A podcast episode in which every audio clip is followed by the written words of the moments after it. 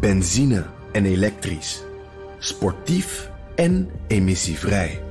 In een Audi plug-in hybride vindt u het allemaal. Ervaar de A6, Q5, Q7 en Q8 standaard met quattro vierwielaandrijving. Wat u ook zoekt, u vindt het in een Audi. Audi. Voorsprong door techniek.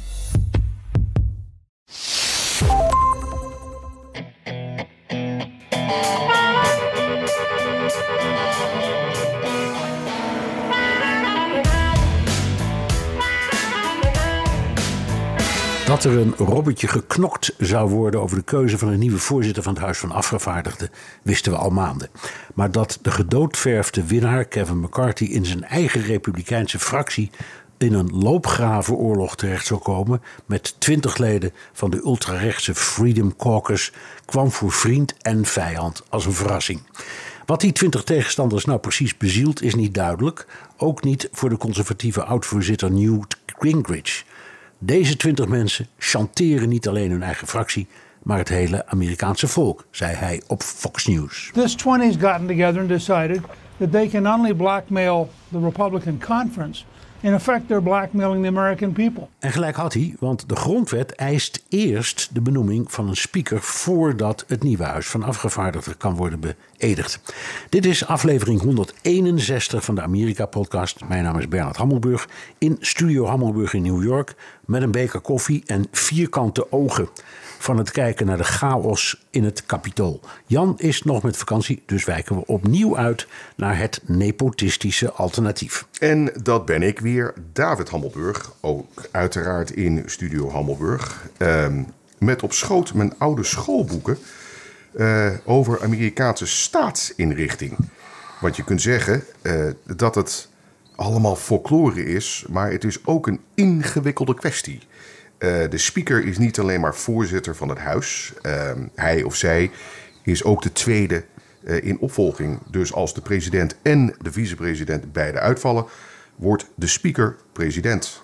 Maar de grondwet zegt ook: zonder een gekozen speaker kan het werk van het nieuwe congres niet beginnen. Sterker nog, ze kunnen niet eens een ede afleggen met alle congresleden. Nee. Dus met andere woorden, er is nu helemaal niets wat het huis kan doen. Nee, dus strikt genomen uh, is Amerika even geen democratie. Want het heeft wel een uitvoerende macht, dat is de president. En ook een onafhankelijke rechtelijke macht. Maar geen wetgevende macht. Dat is het parlement normaal. En dat is in elke democratie het belangrijkste orgaan. Het parlement is niet benoemd, kan dus geen wetten behandelen, ook geen regering controleren. Kun je zeggen dat Amerika dus gewoon even geen functionerende democratie is? Zolang er geen speaker van de huis is, absoluut. Uh, maar het is ook wel een beetje cynisch. Je kunt ook zeggen, de chaos waarvan iedereen getuige kan zijn, is misschien ook de kern van de democratie. Hè? Iedereen heeft het recht om te stemmen en tegen te stemmen. Ja. En zo lang mogelijk als, uh, als moet. Hoe dan ook, meerdere stemmingen zijn voor het laatst gebeurd in 1923. Uh, toen waren er negen stemmingen nodig en dat duurde drie dagen. Verder terug, helemaal uit 1855, waren er, jawel, 113 stemmingen nodig. Wat twee maanden duren. Dus we zijn nu uh, op dag drie. Betekent dat allemaal zoveel? Ja, want ja. het is al een 100 jaar niet gebeurd. Maar als je het vergelijkt met een, uh, de verre geschiedenis, valt het allemaal nee, mee. Dat, dat is waar. Maar aan de andere kant um, er zijn een aantal dingen die een beetje verschillen van bijvoorbeeld de Nederlandse democratie, die trouwens ook zijn, zijn krankzinnige dingen heeft. Hè. 299 dagen voor een kabinetsformatie. Probeer dat maar eens uit te leggen ja, aan een Amerikaan precies, bijvoorbeeld. Ga, ga dat maar aan een ja. Amerikaan uitleggen. Dat ja. is ook niet zo duidelijk. Dus, dus zo heeft iedereen zijn eigen eigenaardigheden. Alleen uh, wat, wat, wat de meeste democratieën niet hebben... is dat het congres gaat over geld. Dus op het moment dat de president iets wil doen... hulp aan Oekraïne of uh, het aanleggen van een nieuwe weg in Oklahoma... Um, dan moet hij geld vragen van uh, het Huis van Afgevaardigden in de eerste plaats. En de Staat, maar in de eerste plaats in het Huis van Afgevaardigden. En dat is er nu niet, nee. kun je gewoon zeggen. Nee, en wat, wat zo bizar is, omdat er dus geen speaker is... dus ook geen opvolger van de president of de vicepresident... Um, ligt alles muisstil. En, ja. en, en dat is het bizarre van deze hele kwestie, waar we ook zelf van leren. Want ja, de, de, de, maar je hebt niet voor niets je oude schoolboeken. Nee, nee precies. Ja, maar um, het ligt dus gewoon stil. Ja. Totdat het zover is dat, ze, eh, eh, dat er een speaker wordt Ja, gekozen. nou, nou- daarvoor, daarvoor kan dus helemaal niets. En dat is eigenlijk te gek voor woorden. Ja, nou gaan we even gewoon doen. Ehm, eh, en gewone vragen stellen aan elkaar. Want waarom krijgt McCarthy niet gewoon een paar stemmen van de Democraten? Ik noem maar wat. Als er, als er zes, zeven oversteken, dan is hij klaar. Waarom zouden ze? Waarom zouden ze de tegenpartij tegemoet zien? Eh, kijk, het mag, eh, wat de grondweg, eh, grondwet kent geen partijen. Maar politiek is het ondenkbaar. Ehm, eh, eh, Hakeem Jeffries die komt dus keurig elke keer weer op 212 stemmen. Dat is de fra- nieuwe fractieleider van de Democraten. ja, ja. Die, de opvolger van Pelosi. 212 stemmen. Elke democraat stemt dus voor Hakeem eh, Jeffries. Ja. Als hij er nog zes zou krijgen, zou hij, bij wijze van, spreken, de, de, de Dus- fractievoorzitter dus als zes, De- de voorzitter republike- zes republikeinen overlopen, is het ook, is het ook geregeld. Nu, het interessante van dit verhaal. Welke zes zouden er over kunnen lopen? En dan moet je denken aan mensen die zo stevig in hun schoenen staan in hun eigen district, district dat ze nooit eh, een verkiezingen of voorverkiezingen zouden eh, verliezen. Nee, nee. Maar het is gewoon nat dan. maar goed, Nee, nee eh, wacht, wacht even. Maar dit is een belangrijk punt. Want het gaat om, om, om herverkiezing. Ja, dus ze, zeker. zitten, ze zitten allemaal maar voor twee jaar. ja. Dus zodra je bent gekozen, begin je al met de al, herverkiezingen. al met je nieuwe campagne. Precies. En zijn er, nou, zijn er nou congresleden die zo stevig in hun zadel zitten dat het niet mis kan gaan? Ik herinner me Jacob Javits in, Ja. in New York, was senator geloof ik. Ja. Die, dat was een republikein in een democratische stad maar die, of staat. Maar die man was zo razend populair. Wat hij ook deed, hij werd altijd herkozen. Welke republikein of democraat kan jij bedenken die zo populair is dat wat hij of zij ook doet, maakt geen donder uit? Nee, Weet je wie? Nancy Pelosi. Ja.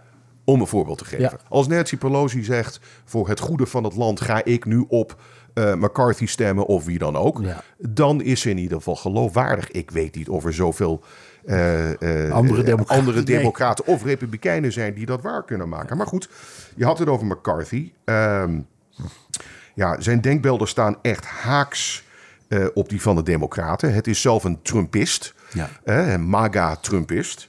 Ehm, dus ongeveer, o- ja, ongeveer, ongeveer zo elk gebied wat je kan maar be- eh, bedenken, eh, staat hij haaks tegenover wat de Democraten denken. En bovendien hebben Democraten, ja, die hebben een eigen kandidaat, zoals ik zei, Hakeem Jeffries. En elke keer als ze dus op hem stemmen, dan bevestigt dat elke keer weer.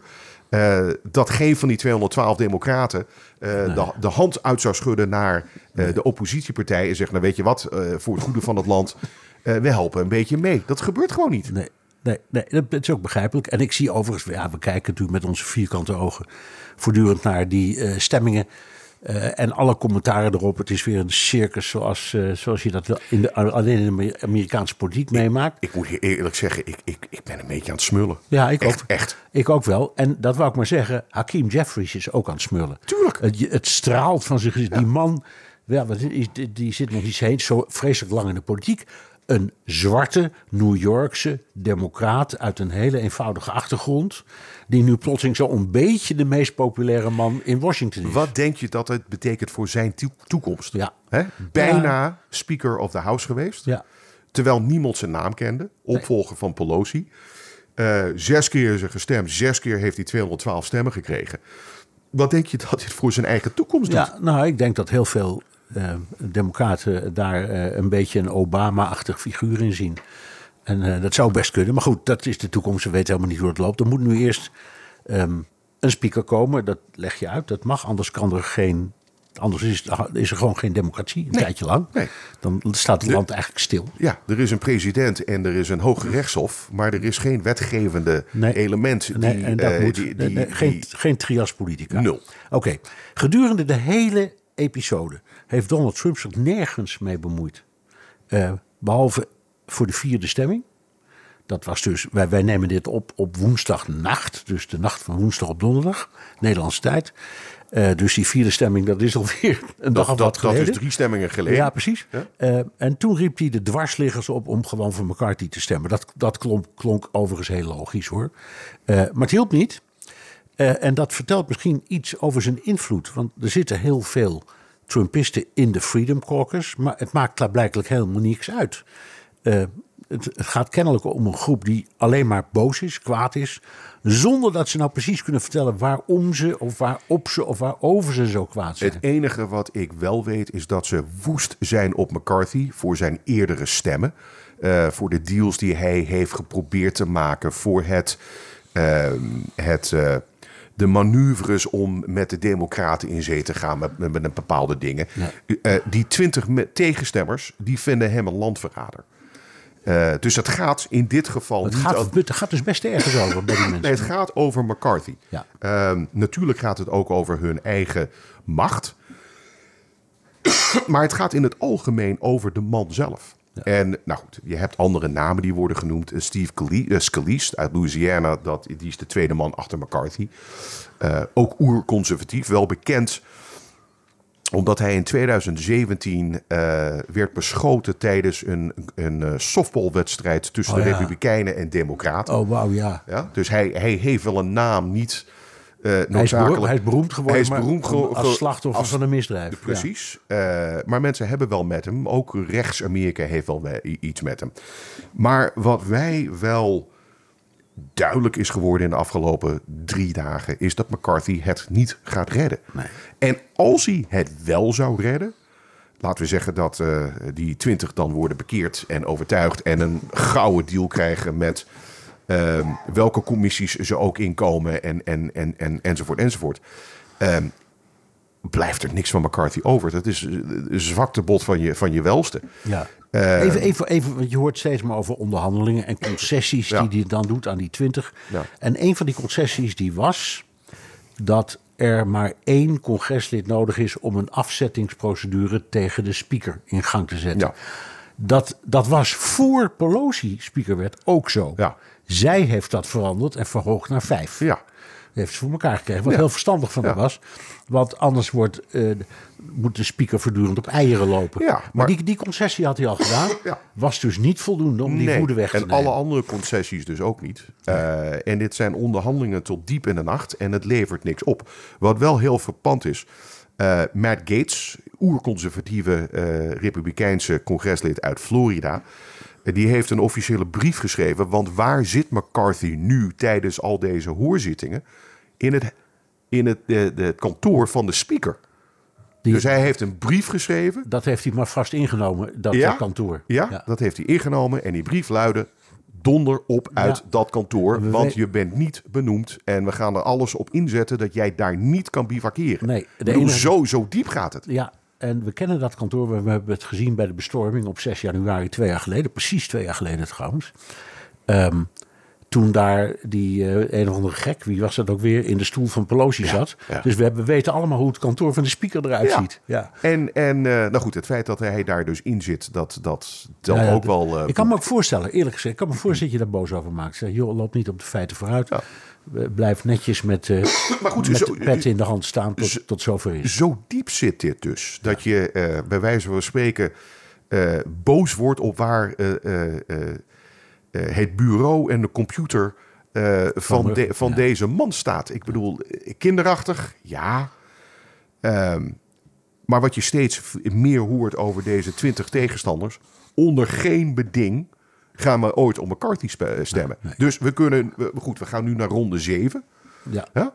Eh, we kunnen naar ronde 8, ronde 9. Als zij zeggen onder geen beding, dan moet ik ze wel geloven. Dus wat dan? Ja, wat dan? Nou, dan moet met een andere kandidaat Ja. komen. Uiteindelijk komt er een speaker. Het, het, nog één ding wat me nu te binnen schiet. Hè. Wat, wat, wat wij nu beschrijven is een rel binnen de Republikeinse Partij.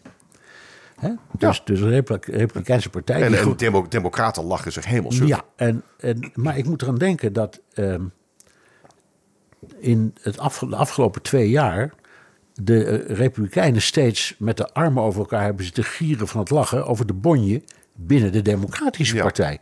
Toen, toen eh, eh, Biden steeds maar de grootste moeite deed om een paar senatoren aan boord te houden, Ja.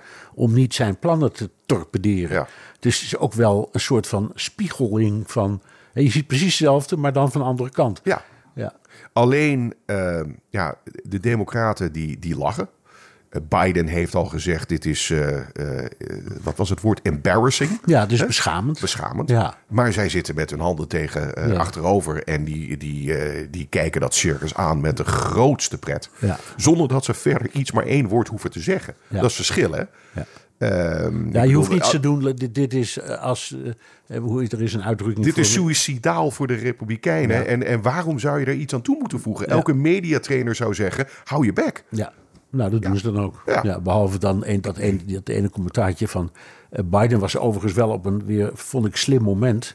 Omdat hij was in Ohio om... ehm, eh, Infrastructuur was om, het, Om, ja. ja. om, om het feit te vieren dat die infrastructuurwet Ja. nu in werking treedt. en dus in Ohio grote projecten worden uitgevoerd. Ja. En daar was hij En in samen... Kentucky, hè? In Kentucky, In met, eh, Kentucky. eh, met eh, McConnell. Maar ja, en dan was hij samen met Mitch McConnell, de leider uit de Senaat. Die soms een vriend en soms een vijand is, maar op deze dag duidelijk een vriend was.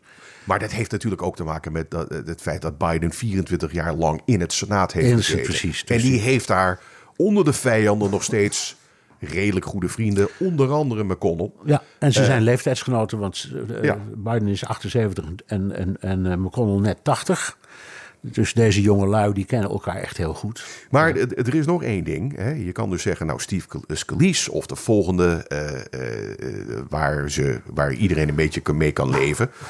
Ehm, maar het zou mij niets verbazen als die 20 oerconservatieven met een hele andere naam komen. Je hoeft helemaal niet in het eh, congres te zitten om eh, speaker te worden. Waarom zouden zij Trump niet benoemen? Ja. Niet dat hij eh, een schijf van kans heeft, want dat gebeurt Die, nooit die, haalt, onder... die krijgt ook die 218 stemmen in. Nee. Maar het zou mogen. Het zou mogen. Ja. Maar ik, ik zie dus niet op dit moment wie er op 218 komt. Dat er iemand op 218 komt, dat is duidelijk. Ja.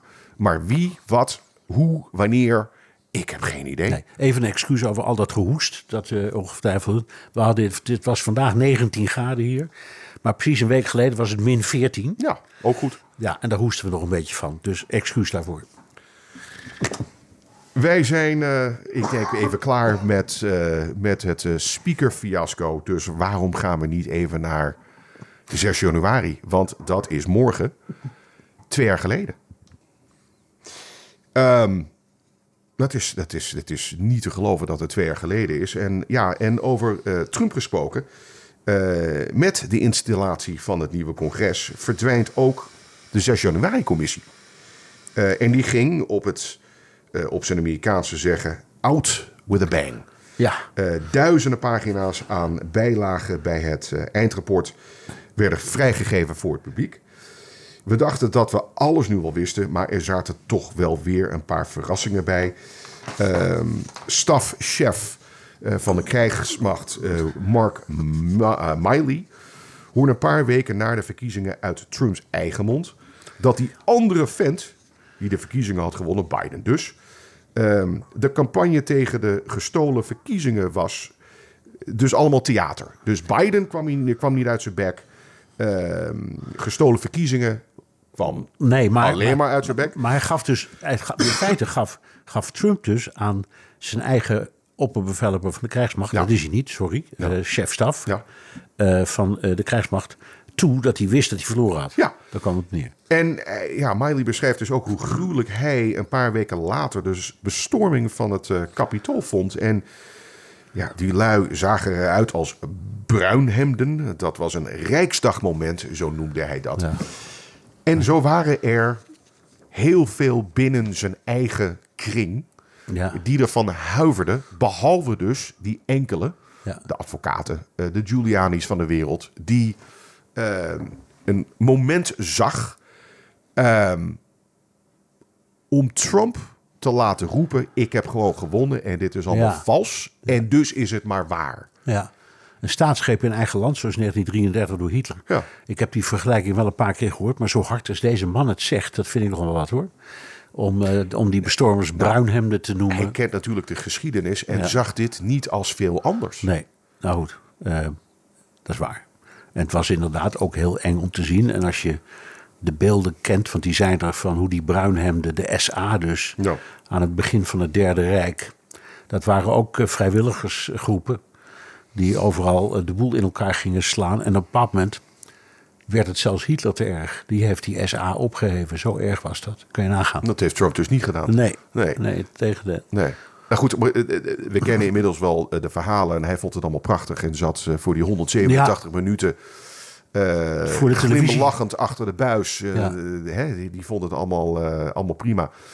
Ja, over, Als je, als je het over rechts-Amerika hebt en, en eh, conservatieve republikeinen, de meeste daarvan huiverden hiervan. Ja, Dit is niet ons land. Maar goed, Nee, dat geloof ik ook. En dat hoor ik ook. Ehm, gelukkig kennen we allebei republikeinen die eh, eh, soms in, in alle op, allerlei opzichten hele conservatieve denkbeelden hebben.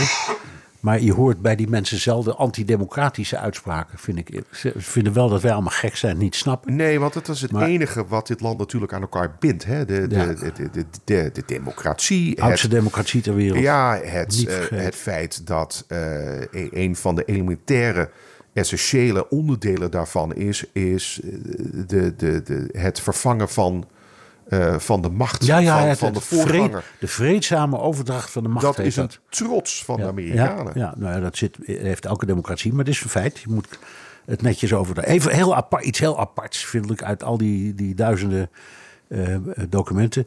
Trump, Trump wilde de term rigged elections laten vastleggen. Dat betekent vervalste verkiezingen met, met twee hoofdletters en een uitroepteken achteraan. Wil hij laten vastleggen bij het Copyright Bureau. Eh, nou kun je zeggen, eh, ik hoor daar niets strafbaars aan.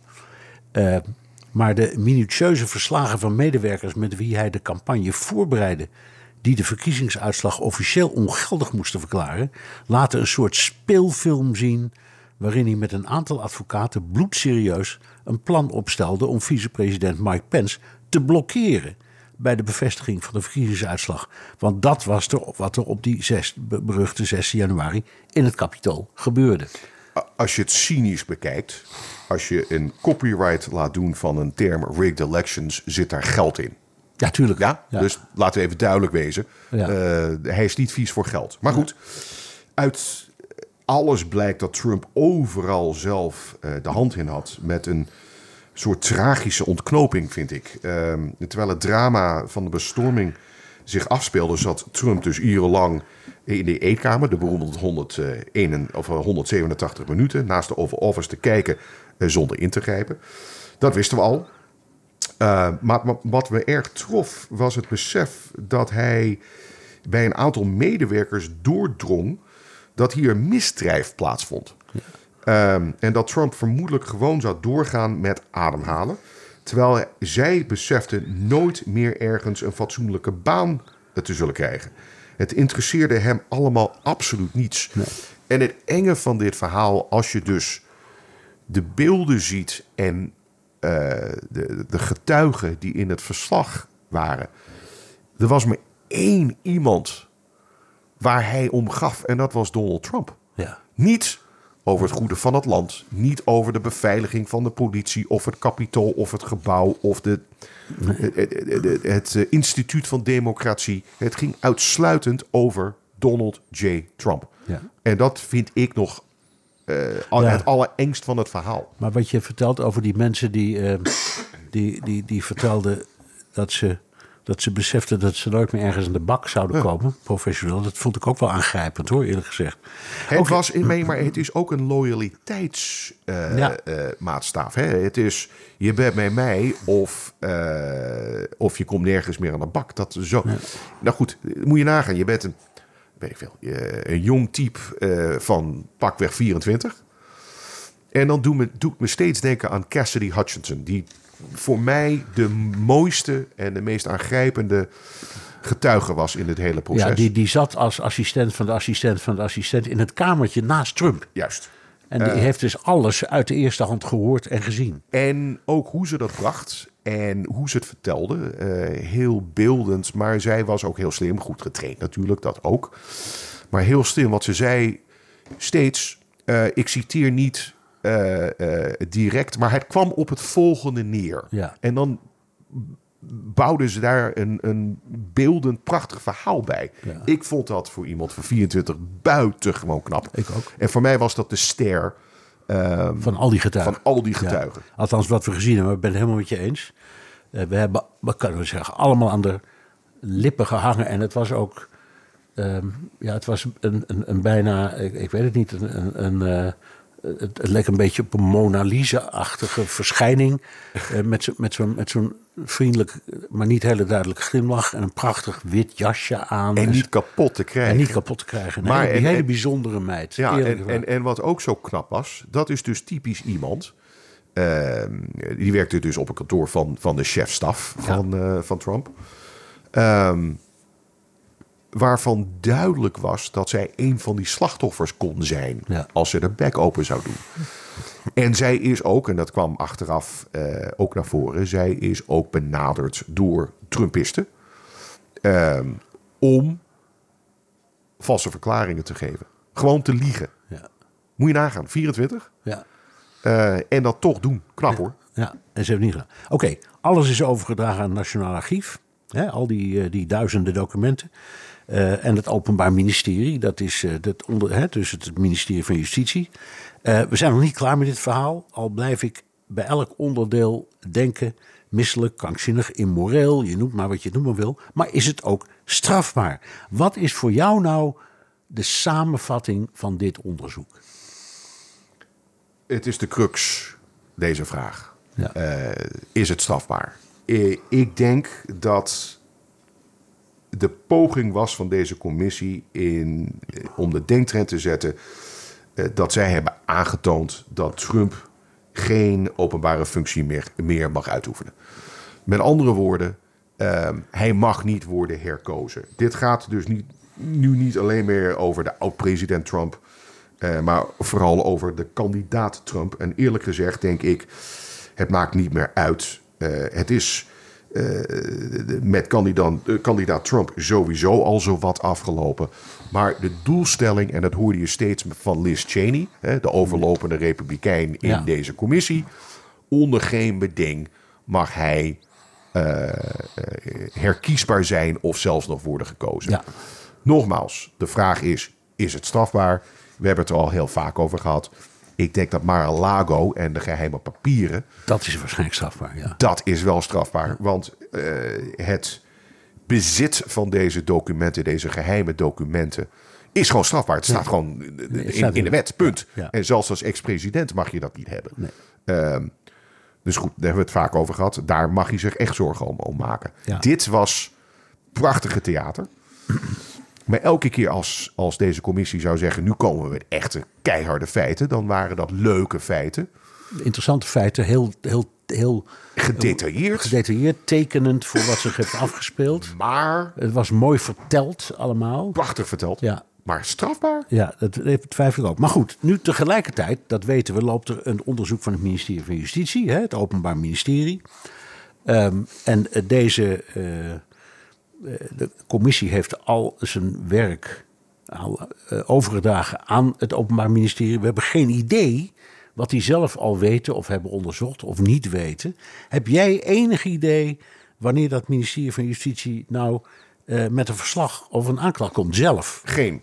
Nee. Ehm, zoveel als de commissie openbaar heeft gemaakt, zo geheimzinnig doet het ministerie van Justitie. En ja, zo hoort het ook.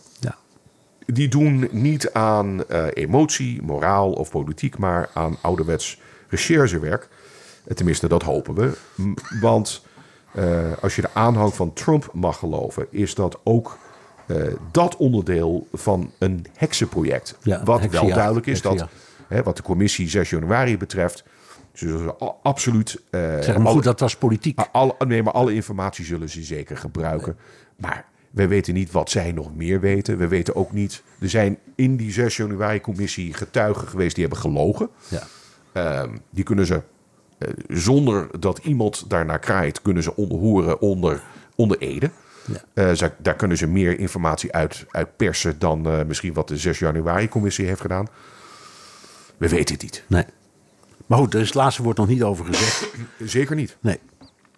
Eh, we gaan zo verder. Eerst onderbreken we de Amerika-podcast even voor een mededeling. Benzine en elektrisch. Sportief en emissievrij. In een Audi plug-in hybride vindt u het allemaal. Ervaar de A6, Q5, Q7 en Q8 Standaard met quattro vierwielaandrijving. Wat u ook zoekt, u vindt het in een Audi. Audi. Voorsprong door techniek. Zullen wij naar de luisteraarsvragen gaan? Ehm, die zijn welkom via de mail of via de Amerika Podcast WhatsApp. Daar kun je je vraag of opmerking ook inspreken. Het nummer is 06 28 13 50 20. Ik herhaal 06 28 13 50 20. En hou je voiceberichten graag binnen ongeveer 30 seconden. En ook andere berichtjes via WhatsApp of de e-mail een beetje beknopt. Want dan hoeven we niet te knippen of er stukken uit weg te laten. Ehm, dat gebeurt vaak. Eh, en dat betreuren we zeer. Laten we beginnen met eh, eh, een, een hele korte en krachtige van John de Jong. Als ik de bedragen aan Amerikaanse steun aan Oekraïne hoor, 100 mil- miljard plus, hè, is, hij heeft gelijk, het is inmiddels al 100, 111 miljard geloof ik, vraag ik me af of dit niet deels een vertekend beeld geeft. Als de Amerikanen de marktprijs van het militaire materieel rekenen, is dit niet voor een groot deel rechtstreeks eh, iets wat aan de Amerikaanse economie ingaat. En daarmee niet te vergelijken met de Europese bijdragen, die veel meer geldelijke steun zijn. Ja, heeft hij een punt, want voor zover het wapens betreft zijn dat vaak opdrachten die bij de Amerikaanse wapenindustrie komen.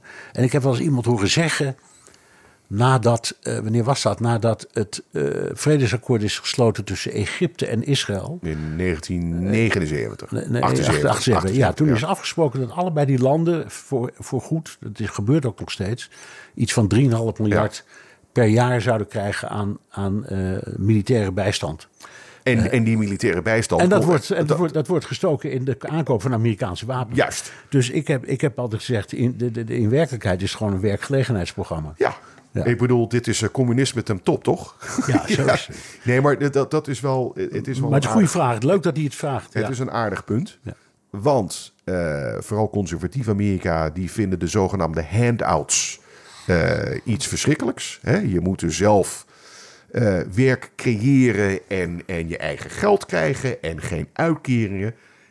Dit is de grootste uitkering uit de wereldgeschiedenis, Ja. als je dat zo ziet. Zo is het. Ja, ook zo. Maar goed, het is wel voor een doel waar we allemaal ehm, erg mee bezig zijn. Matt Broos, ehm, die vraagt nu Donald Trump niet vanzelfsprekend de Republikeinse uitdager gaat worden in 2024. Zal Joe Biden dat misschien ook niet zijn? Eh, want, eh, want er zijn andere. Wat zijn op het ogenblik de andere namen die ronde doen binnen de Democratische Partij? Die, naam, die, die vraag krijgen we eh, met enige regelmaat. En hij noemt dan zelf eh, gouverneur Whitmer van Michigan. Die is herkozen, die vrouw. Dat was degene die, ehm, eh, die waarvan net eh, tijdens 6, jan- voor 6 januari was zij toch slachtoffer van een kidnapping. hè? Ki- Kidnapping. Ja, en, en, en- die, en- die mensen die dat hebben gedaan zijn net veroordeeld. Veroordeeld. De, de, de, de, de grootste boef kreeg net 19 jaar. Ja, ja. Ja. ja. Nou Maar ja, goed, namen. En, en, en Matt Boos schrijft trouwens, het is heel, heel aardig dat hij ze zegt, dat we snel moeten eh, herstellen van de verkoudheid, want we kunnen je niet missen, Zo schrijft hij. Eh, fijn, ik denk er net zo over, maar sorry voor het hoesje, nogmaals. Maar namen. Eh, nou, we hebben er net al één genoemd. Iemand die niemand kende. Hakeem Jeffries. Ja, Dankzij dankzij de plotselinge roem die nu op hem afstraalt. Ja, De, de fractievoorzitter van de, van de Democratische Partij in het Huis van Afgevaardigden. We hebben het er eh, wel eerder over gehad. Natuurlijk is aan de Republikeinse kant eh, gouverneur eh DeSantis uit Florida de maar dat- voornamelijkste maar- kandidaat maar- bij de Republikeinen. ook, de Republikeinen zijn beter in het, in het, in het nou ja, Profileren Ja, van. komen met, die hebben vaak een groot talent, vind ik, als, als kandidaten die naar boven. Er zijn binnen de, of de Democratische Partij een aantal hele goede. Ehm, senator Murphy en gouverneur Murphy, senator uit Connecticut en Murphy uit eh, eh, New Jersey. Maar goed, dat zijn Noordoosten eh, liberalen. Dus Ja. dat, dat, hè, dat is ook niets. De, de, de ideale kandidaat voor een democra- democratische partij komt uit het Middenwesten. eh, of uit Colorado of, of zo'n soort staat. Je moet hem niet hebben of haar hebben uit New Jersey of New York of Connecticut. Dat is te links. Ja. Maar Nou ja, eh, we hebben ooit een keer Jimmy Carter gehad uit Georgia. Ja. Dat, dat, kon, dat kon ook. dat kon. Ja, en Bill Clinton uit, Uit, eh, uit Arkansas, precies. Ja, dus het kan wel. Het ja. kan. En, en goed, Obama uit Illinois. Hè, Ja. dat, is, dat past helemaal in dat, dat, dat plaatje. Ehm, En eh, maar- Je- Jeffries komt gewoon uit Brooklyn. nee, nee, nee, nee. Jeffries komt uit upstate New York. Oh, York. Ja. Dat is een republikeins gebied. Het is een republikeins gebied, dus dat heeft dan weer een betere kans. Ja, ja, ja, ik, weet niet precies waar. Het is niet Buffalo, maar ergens daar in het noorden. Ja. Ehm, maar zo voor de hand liggend is het niet. En, en dat is juist het punt. Biden, die zich ongetwijfeld kandidaat gaat stellen. Er komt een moment waarvan er een opstel eh, sommetje komt met wat hij allemaal wel goed heeft gedaan. Ja, ja. We zijn er nog niet, maar het komt wel. Ja, eh, denk ik ook. En denk, je ziet ook een beetje een kentering, ook in de media en ook in de politieke commentaren, dat een heleboel mensen zeggen, nou zo slecht is hij nog niet. Nee, en als je iemand zoals Bill Maher hoort, hè, de, de, de, ja, ik ben dol op Bill Maher, met de, de politieke eh, comedian ja, van eh, HBO. met, met, zijn- met zijn wekelijkse show op HBO, die, die prees, prijst Biden de hemel in al de afgelopen paar maanden. Ja. Zij, moet je kijken wat hij allemaal heeft bereikt. Ja. Zo slecht is het allemaal Nee, nog is niet. allemaal waar. Oké, eh, de volgende vraag is een audiovraag, helaas anoniem. We hebben wel een adres. Eh, hier komt hij. Ik had een vraag over het presidentsverkiezingen van 2024. Joe Biden is uiteraard een oude man. Maar ik denk wel dat hij heel veel regels en wetten aan het doorvoeren is die heel goed zijn voor Amerika. Zeker op de wat langere termijn. Nou, zou het zomaar kunnen dat we tegen 2024 aan, eind 2023, dat opeens wat meer helder wordt over wat hij de afgelopen vier jaar heeft gedaan. En hij dus eigenlijk eh, heel goed in de peilingen gaat meedraaien. Ehm, nou is mijn vraag, zou het kunnen, juridisch of eh, nou, iets anders, dat hij eh, als vice-president mee gaat doen aan, eh, aan de hand van een nieuwe, jonge, frisse democraat of democraten, die dan president of presidente kan worden.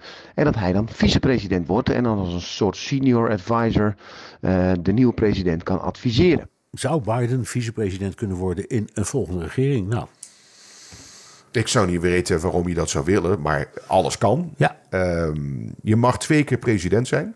ja.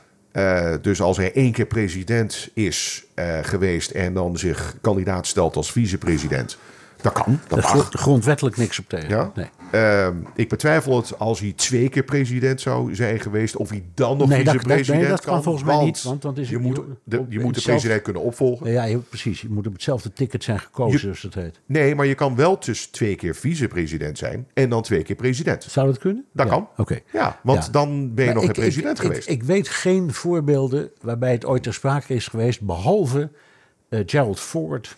Maar die is nooit gekozen. Die, Nee. die, die, die volgde die was Carter. speaker.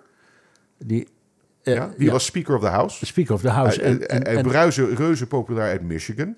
Die werd toen ge- gekozen om Spiro Agnew op ja, te volgen die, als want die zat, vicepresident. in een schandaal bij Nixon. Ja, die, werd, eh, Die- die, heeft met belastinggeld gesjoemeld. Ja, dus toen kwam... eh, eh, Toen, dus toen werd de speaker benoemd als, als vicepresident, zonder gekozen te worden. Prima.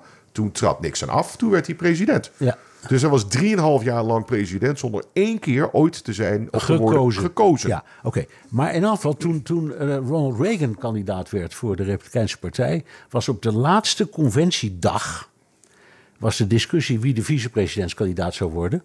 En toen is Jerry Ford benaderd. Klopt. En dat is toen ook uitgebreid door alle media. Ik herinner me dat iedereen de uitzendingen onderbrak. Ja.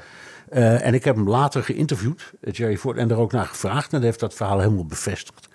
Ehm, maar uiteindelijk is, is dat eh, niet doorgegaan. En hij zei ook, ik was daar natuurlijk niet geschikt voor. Nee, was maar, dat hij, hij, hij, hij- maar hij was dus niet beledigd, zou ik maar zeggen. Maar was dit niet dezelfde man die ooit zei... eh, jij vroeg hem, Ja, je, ja, was, ja. je was zo razend populair. Ja, waar, waar, waar- precies, je was zo razend populair.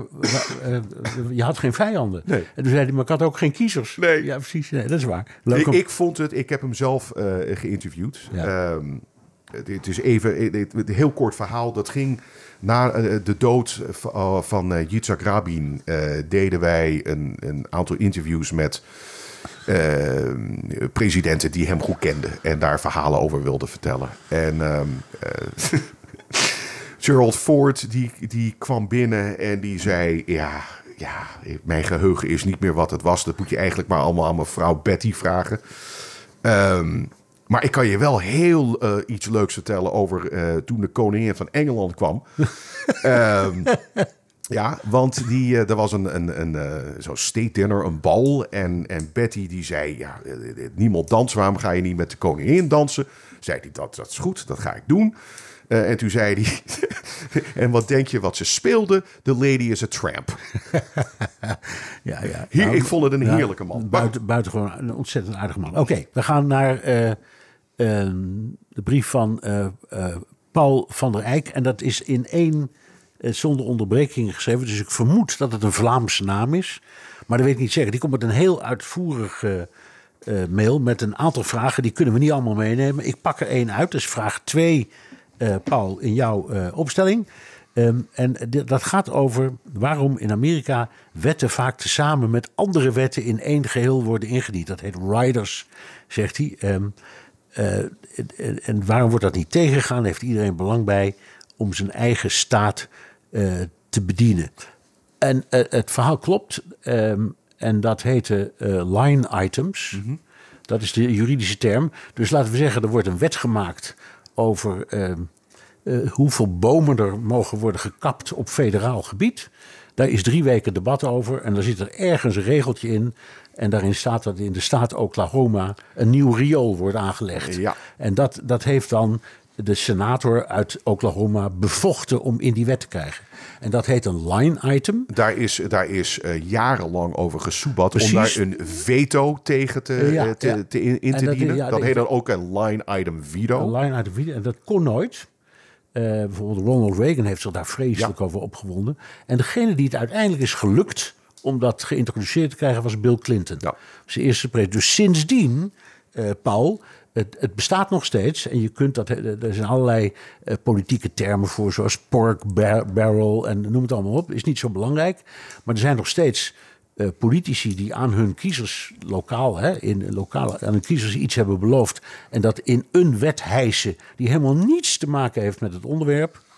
Eh, en dan kan de president bij eh, tekenen, kan hij zeggen: Ik vind die wet prima, maar dat ene regeltje, dat line item, dat haal ik eruit.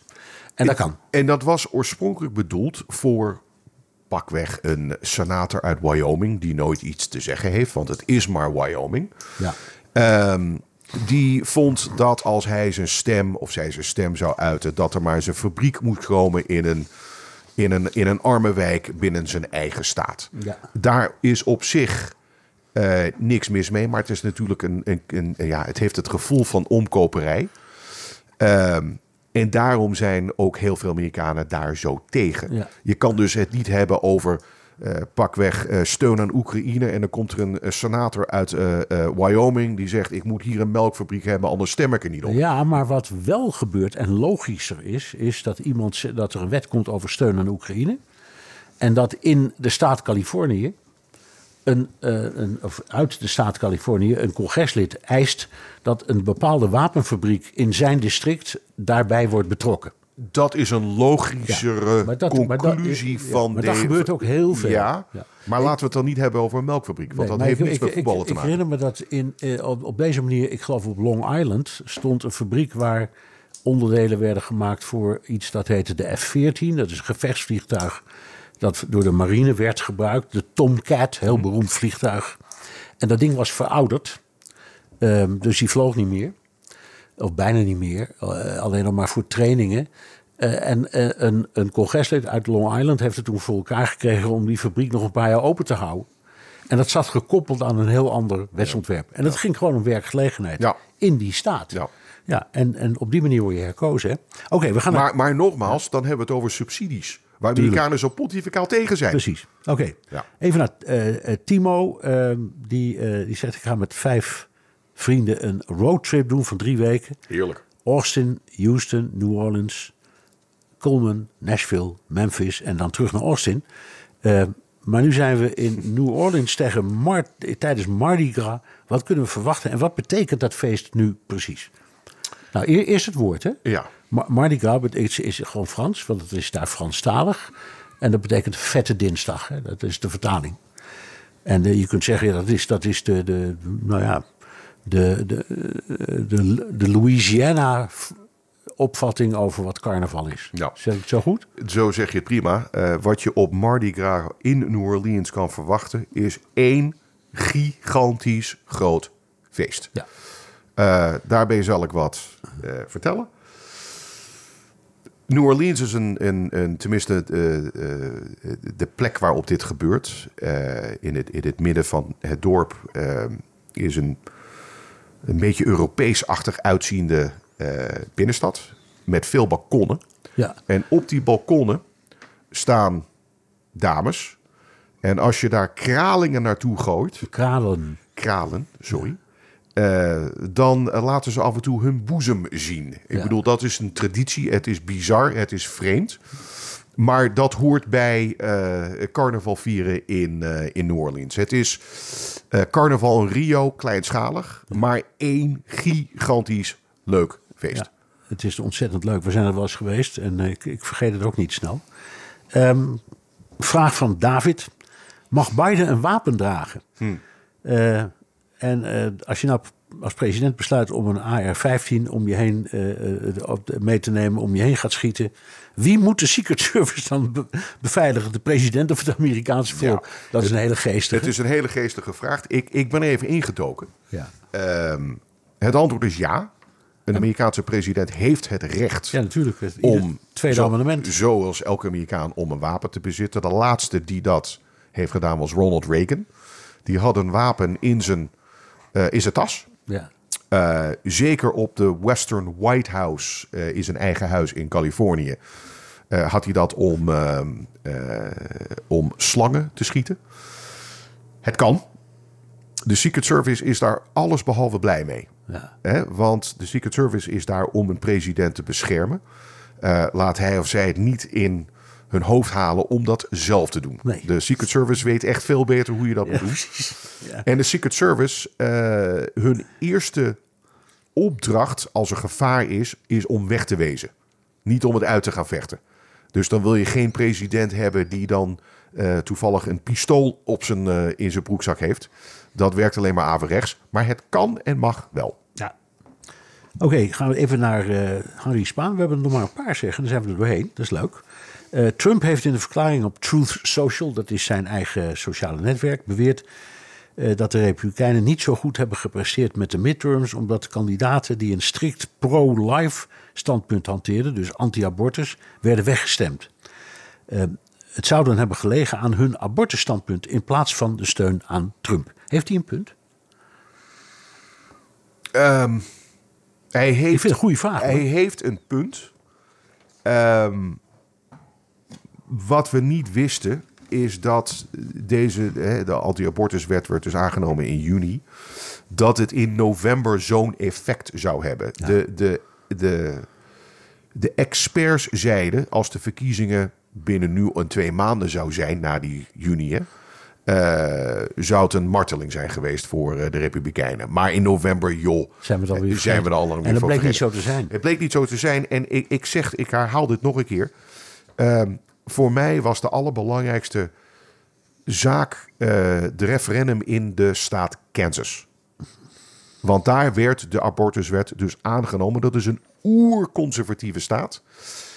En zo belangrijk was het dus van, voor de mensen uit Kansas. Ja. Dus dat, dat verbaasde mij toen en nu nog. Ja. Ehm, dus hij heeft een punt. Die, die, die kwestie was belangrijker dan hij zelf. En nogmaals, iemand met zo'n gigantische ego vindt dat natuurlijk niet leuk, maar het is wel een feit. Nou, hij zocht ook een verklaring waarom het in feite waarom de steun die hij aan al die kandidaten heeft gegeven.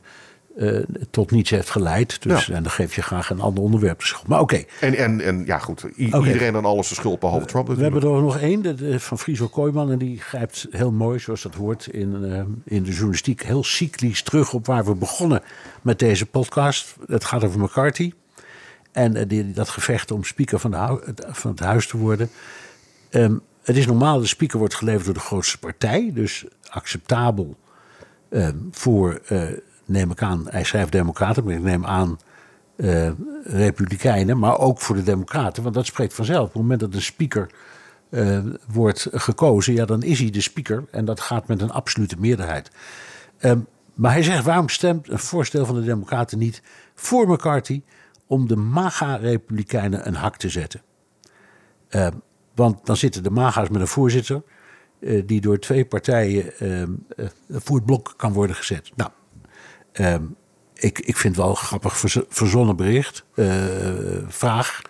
Behalve dan dat ehm, hij is zelf ook een MAGA eh, Ja. eh, republikein. Ja, maar zo geliefd is hij niet onder de Zo geliefd. Dus dat hele argument werkt helemaal niet Nee, meer. maar er speelt nog wat anders. Ehm, in dit verhaal is er natuurlijk een deal te maken. En als McCarthy tegen een aantal democraten zegt... als jij op mij stemt, dan geef ik jou eh, deze commissie... of die commissie... komen we steeds weer terug op de vraag... wie, Macht. is er, wie is er dan herkiesbaar? Ja.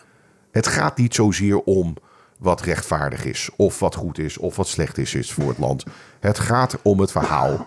Hoe Ja. haal je het in de hoofd om over te lopen naar de vijand? En hoe kan je dat eh, onder je eigen eh, stemmers eh, goed maken? Ja. Ik, ik, ik zie het niet hoor. Nee, ik je moet wel heel sterk in je, stro- in Ja. je schoenen staan. Ja, in een tweepartijstelsel is dat bijna niet mogelijk. Nee.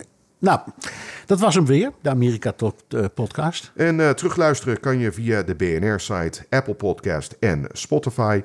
Heb je vragen, opmerkingen, kritiek of complimenten? dan kan het ook met een tweet naar Jan Posma USA of BNR De Wereld. Of heel ouderwets een mailtje sturen naar dewereld.bnr.nl. En je kunt ook je vraag inspreken eh, of intikken op de Amerika Podcast WhatsApp. Ik herhaal 0628135020.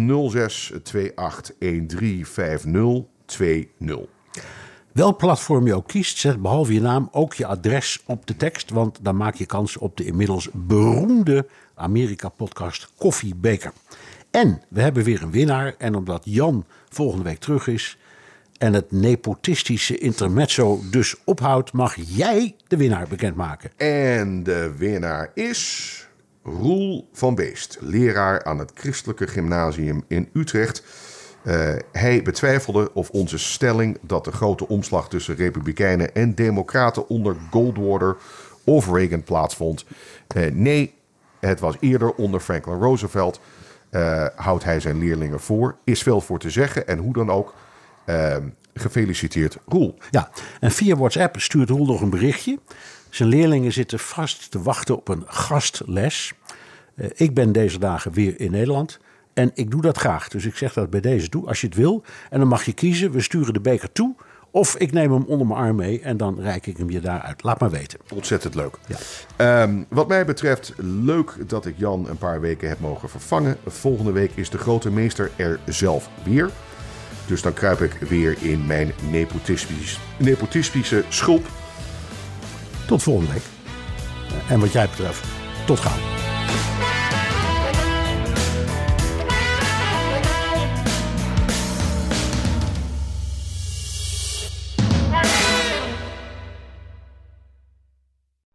Benzine en elektrisch. Sportief en emissievrij. In een Audi plug-in hybride vindt u het allemaal. Ervaar de A6, Q5, Q7 en Q8 standaard met quattro vierwielaandrijving. Wat u ook zoekt, u vindt het in een Audi. Audi. Voorsprong door techniek.